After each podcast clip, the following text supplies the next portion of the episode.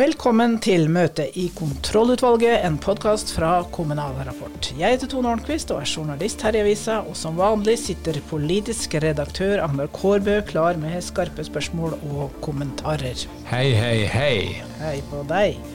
Vi skal snakke om flyktninger og bosetning, og begynner med hvordan dette ser ut fra Hamar, der kommunedirektør Åsmund Kalheim jobber.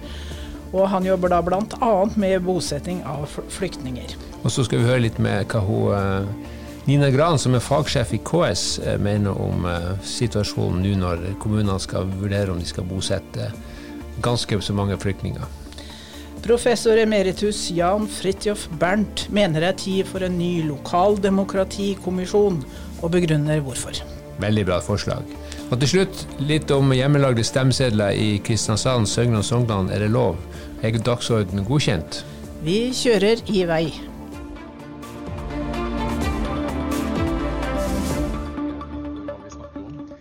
Åsmund Kalheim, nå har vi vært, hatt en diskusjon på kommunedirektørforumets topplederkonferanse om uh, mottak av flyktninger. Det er kommet 70 eh, 000 til Norge. Det skal bosettes over 30 000 i år. Uh, hvordan, se, hvordan går dette arbeidet ute i kommunen, slik du ser det som kommunedirektør på Hamar? Bosettingsarbeidet i Norge går veldig bra. Det går også godt i Hamar. Vi har tatt imot det antallet vi er bedt om, og vi kommer til å gjøre det også i 2024, og vi kommer til å klare det. Det store spørsmålet er når man nå starter en diskusjon om eh, reduksjoner, restriksjoner og begrensninger, om vi mister oppslutningen, velviljen, solidariteten, legitimiteten, hva du vil, i befolkningen. Det kan føre til at eh, denne situasjonen snur plutselig, slik det gjorde ved den forrige krisen i 2015. Og så har vi en oppgave til, og det er at alle som har kommet, og alle som har kommet til Hamar og alle andre norske kommuner, har vært eh, i norske kommuner i veldig kort tid. Så det tar tid å bli integrert, og den jobben er ikke gjort. Ja, for Det er to oppgaver her. Det ene er å få på plass de som eh, sitter i mottak og er forventa å komme i år. og De skal ha bolig og de skal ha en del akutte tjenester. Det andre er å legge til rette for dette langsiktige integreringsløpet. Har kommunene nok ressurser, og har dere nok hjelp fra de ulike statlige aktørene til å få dette til? Slike situasjonen er nå, så er eh, det ikke tilfellet. Eh, man har altfor eh, lite fokus på å ha en eh, strategi for å bygge bærekraftige løsninger, både når det gjelder opplæring, introduksjonsprogram, alle spørsmålene rundt midlertidighet, forskjellsbehandling av flyktninger, hva som skal til av tilstrekkelig norskopplæring, hvordan man skal få folk inn i jobb og sørge for at de beholder jobben sin osv. Vi er ikke i nærheten av å gjøre det som vi vet virker, og ha en tett individuell oppfølging av hver enkelt over tid. Og når vi ikke har det, så kommer nok eh, resultatene til å variere veldig rundt om i kommunene. Og det vil jo da slå tilbake på viljen til å ta imot flyktninger, dessverre. Men vi har fortsatt muligheten til å korrigere oss. Men nå må vi flytte fokus fra mottak til integrering. Du har jo sett dette her fra, som tidligere direktør i IMDi, og du har jobba i Husbanken og leda det, så du kjenner dette fra statens side. Forstår staten eh, de, alle de eh, oppgavene som kommunene faktisk blir sittende, fordi at flyktningene ender jo i en kommune og skal ha et liv der og få alle disse tjenestene der? Delvis. Ehm, det F.eks. Eh, så har strategien rundt bolig viste seg å være vellykket. Man har satset på å leie inn boliger i det private markedet, og det har fremskaffet mange flere boliger enn noen trodde var mulig. Men eh, på en god del andre områder så har staten liten eller manglende eh, forståelse knyttet til hva som faktisk kreves eh, for å få til god språkopplæring, for å kunne ha tilstrekkelige helsetjenester, for å møte alle de som nå har tilleggsbehov. Det gjelder både voksne som kommer fra Ukraina, og ikke minst mange barn som har tilleggsbehov, enten det er spesialundervisning eller helsetjenester eller hvem det er. Og dette er vi ikke gode på verken å fokusere på, diskutere, finansiere eller organisere. Da skal vi snakke med fagsjef Nina Gran i KS, som eh, jo jobber med bosetting av flyktninger. og, og samler inn informasjon og koordinerer dette rundt i hele Kommune-Norge. Nina, kjenner du deg igjen i dette Kalheim eh, sier? Ja, absolutt. Det er jo kommet veldig mange nå til kommunene de siste to årene, og vi har vært veldig fokusert på bosetting. Nå begynner jo de store utfordringene med integrering og, og at man skal over i arbeidslivet. Og vi vet jo bl.a. at språkproblemer er en stor utfordring, fordi kommunene får mindre penger til å gi norskopplæring til ukrainerne. Men det viser seg jo at de trenger like mye norskopplæring som øvrige grupper. Hvordan går det med bosettinga så langt i år? Overraskende bra. Det er jo veldig mange kommuner som ikke fatter vedtak før i februar. Og vi ser jo det nå at det er bosatt over 1500 personer på tre uker. Og det, det, er jo en veldig bra start i forhold til januar ofte har vært en måned med lav bosetting, hvor man har gjort en kjempeinnsats for å, for å nå tallene i desember. Det er eh, en anmodning fra IMDi om 37 000 eh, i år. Tidligere har det vært eh, bosatt rundt, eller vært kommet rundt 70 000, de fleste fra Ukraina. Hva tror du om bosetningen utover året? Og kommer det 37 000? Ja, kan, I fjor så ble det jo anmodet om 37 000, og man fikk nesten inn så mange vedtak. Det ble jo bosatt rundt 35 000. I år er jeg bekymra for om vi når målet på 37 000 vedtak. Vi ser jo det at foreløpig så har eh, over 100, ca. 105 kommuner svart. Og når vi ser samla så er det 80% av anmodningene som er vedtatt. Og det ser ut til å være en trend. Det gjelder store, små, alle mulige typer kommuner. Så jeg er nok redd for at vi kanskje havner noe under de 37 000 i år. Men så er det også da spørsmål om det behovet blir så stort. Det er jo veldig usikkert når man ser at tallene på de tilstrømningen til Norge har gått veldig ned. Det har gått veldig ned nå de siste månedene? siste par månedene det gikk jo veldig opp i august-september. Opp mot 150-200 per døgn, og nå er det nede i mellom 50 og 70. Og det har det vært en stund. Nå, det er jo litt rart med tanke på utviklinga i Ukraina, men det kan jo også være vinter, julefeiring, en del ting som gjør at det er nede i en periode. Så det er veldig vanskelig å si. Politisk er eh, Norge blitt eh, blåere etter eh, valget i høst. Har det noe å si for vedtakene i kommunene? Vi ser jo det nå på vedtakene at det er mer uenighet om bosetting. Og det er nok både kanskje at de har blitt blåere, men også det at kommunene nå mange ser at dette her har vi vanskelig for å klare pga. presset både på særlig boligmarkedet, helsetjenestene og skoler.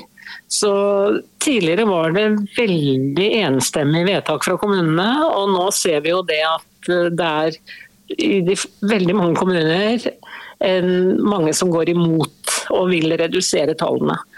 Noen steder så får man allikevel gjennomslag for eh, å bosette det man har anmoda om, mens i mange kommuner så går jo nå tallene, vedtakstallene ned i forhold til behovet.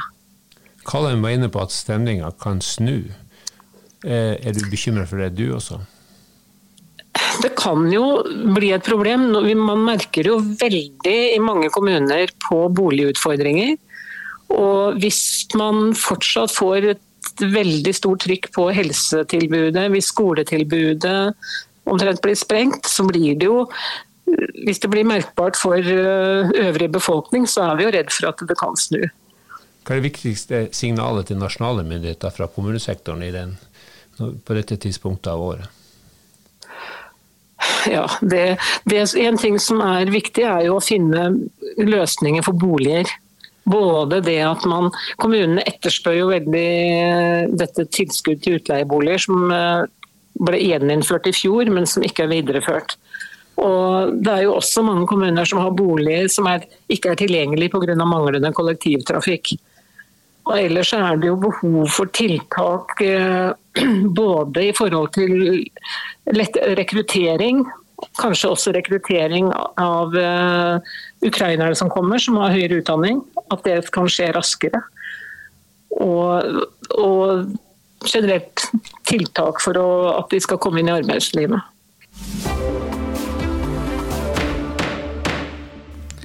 Professor emeritus Jan Fridtjof Bernt er kjent for Kommunal Rapports eh, lesere og lyttere, og jeg traff han på en konferanse for noen uker siden.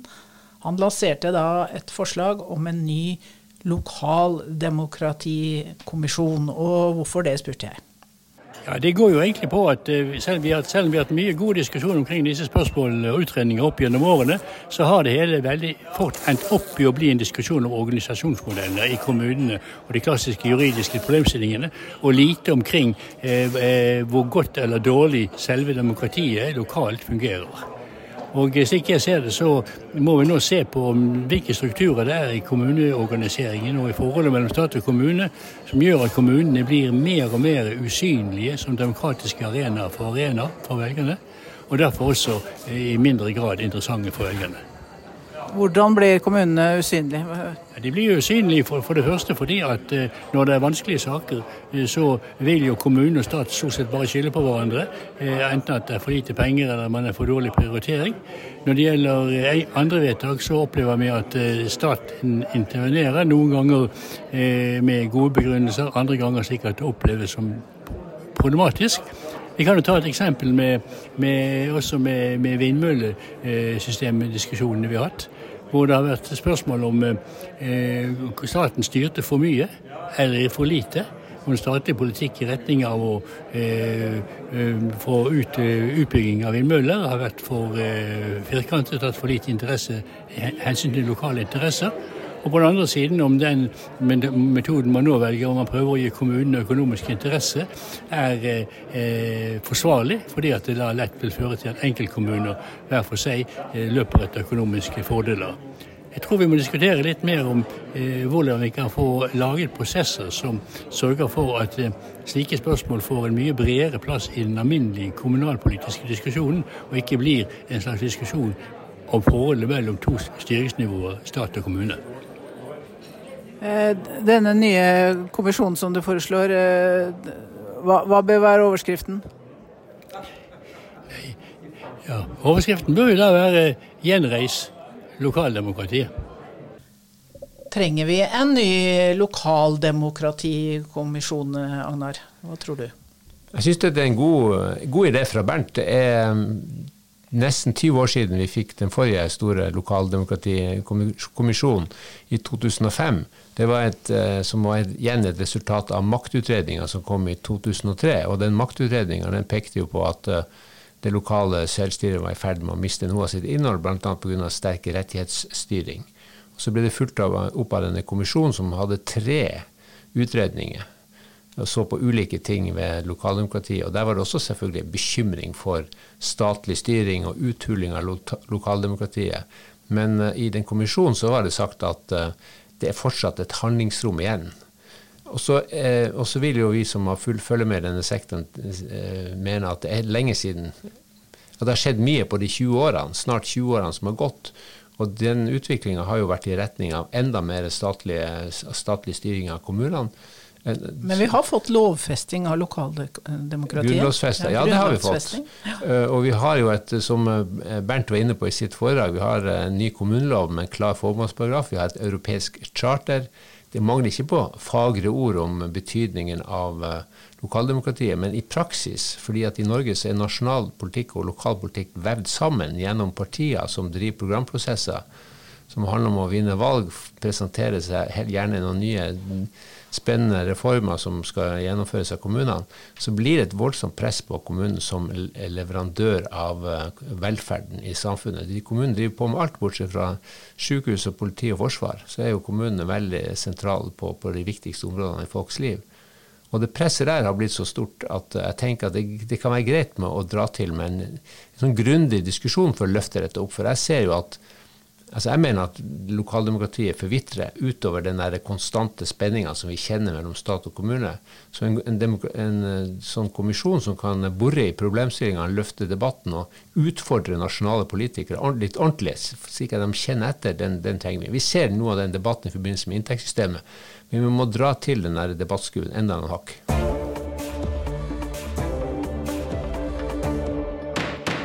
Da er vi kommet til eventuelt, og vi skal tilbake til folkeavstemningen på Sørlandet nok en gang. Og Vi skal snakke om hjemmelagde stemmesedler. Er det mulig? Det var overskriften på en kommentar fra politisk redaktør Vidar Udjus i Fedrelandsvennen. Han eh, viser til at innbyggere med stemmerett i folkeavstemningen i Søgne og Sogndalen eh, kan lage sine egne stemmesedler. Altså hjemme, tegne sjøl på kjøkkenbordet. Eh, og jeg trodde at dette var en digital og moderne avstemning, Agnar. Ja, det er det jo absolutt. Men det må jo være lov til å bruke litt grann litt grann gammeldagse virkemidler. Men er Udjus bekymra? Han, eh, ja, spesielt eh, er han litt bekymra for prosessen, altså selve valggjennomføringa. Hjemmelagde stemmesedler høres jo umiddelbart ut som en invitasjon til juks. Eller eh, hva tror du, Agnar? Nei, det er litt Jeg har lest en kommentar fra Udjus, og han, det er jo, man skal alltid være opptatt av prosessen, valggjennomføring, at det ikke blir stilt spørsmål ved den. Og det er jo lett i disse Trump-infiserte diskusjonene å lage litt elleville teorier om det. Men det som er rett og slett eh, loven åpner for, det er at du kan, eh, hvis du ikke har mulighet til å stemme digitalt, det er jo noe som syns det kan være litt vanskelig å logge seg på med identitet og alt sånne ting, så kan du, og ikke har fått tilsendt valgmateriale, så kan du skrive det ned på en lapp. Poststemmer er jo lov. Ja, poststemmer. Og så eh, bør du jo selvfølgelig skrive hvem stemmen, stemmeseddelen er fra. Og så blir jo dette kontrollert. Jeg gikk inn og sjekka bare kjapt på den eh, forskriften. Så der står det jo redegjort for hvordan man skal sikre at ikke folk stemmer flere ganger. Slik at ikke du Sender mange hjemmelaga Ja, du sitter hjemme og bare sedler. distribuerer til alle venner og kjente som ikke skal stemme. Så det er jo alltid en diskusjon om den stemming, avstemminga som ikke foregår i valglokalet, i innrettet avlukket, hvor du står helt med deg sjøl om den er sikker og god og skjer uten at noen kan påvirke. Den diskusjonen får, vil vi alltid ha, men jeg tror jo at vi vil nok få litt mer digitale løsninger framover. Men det er jo en, alltid en diskusjon, og er dette sikkert og sånn.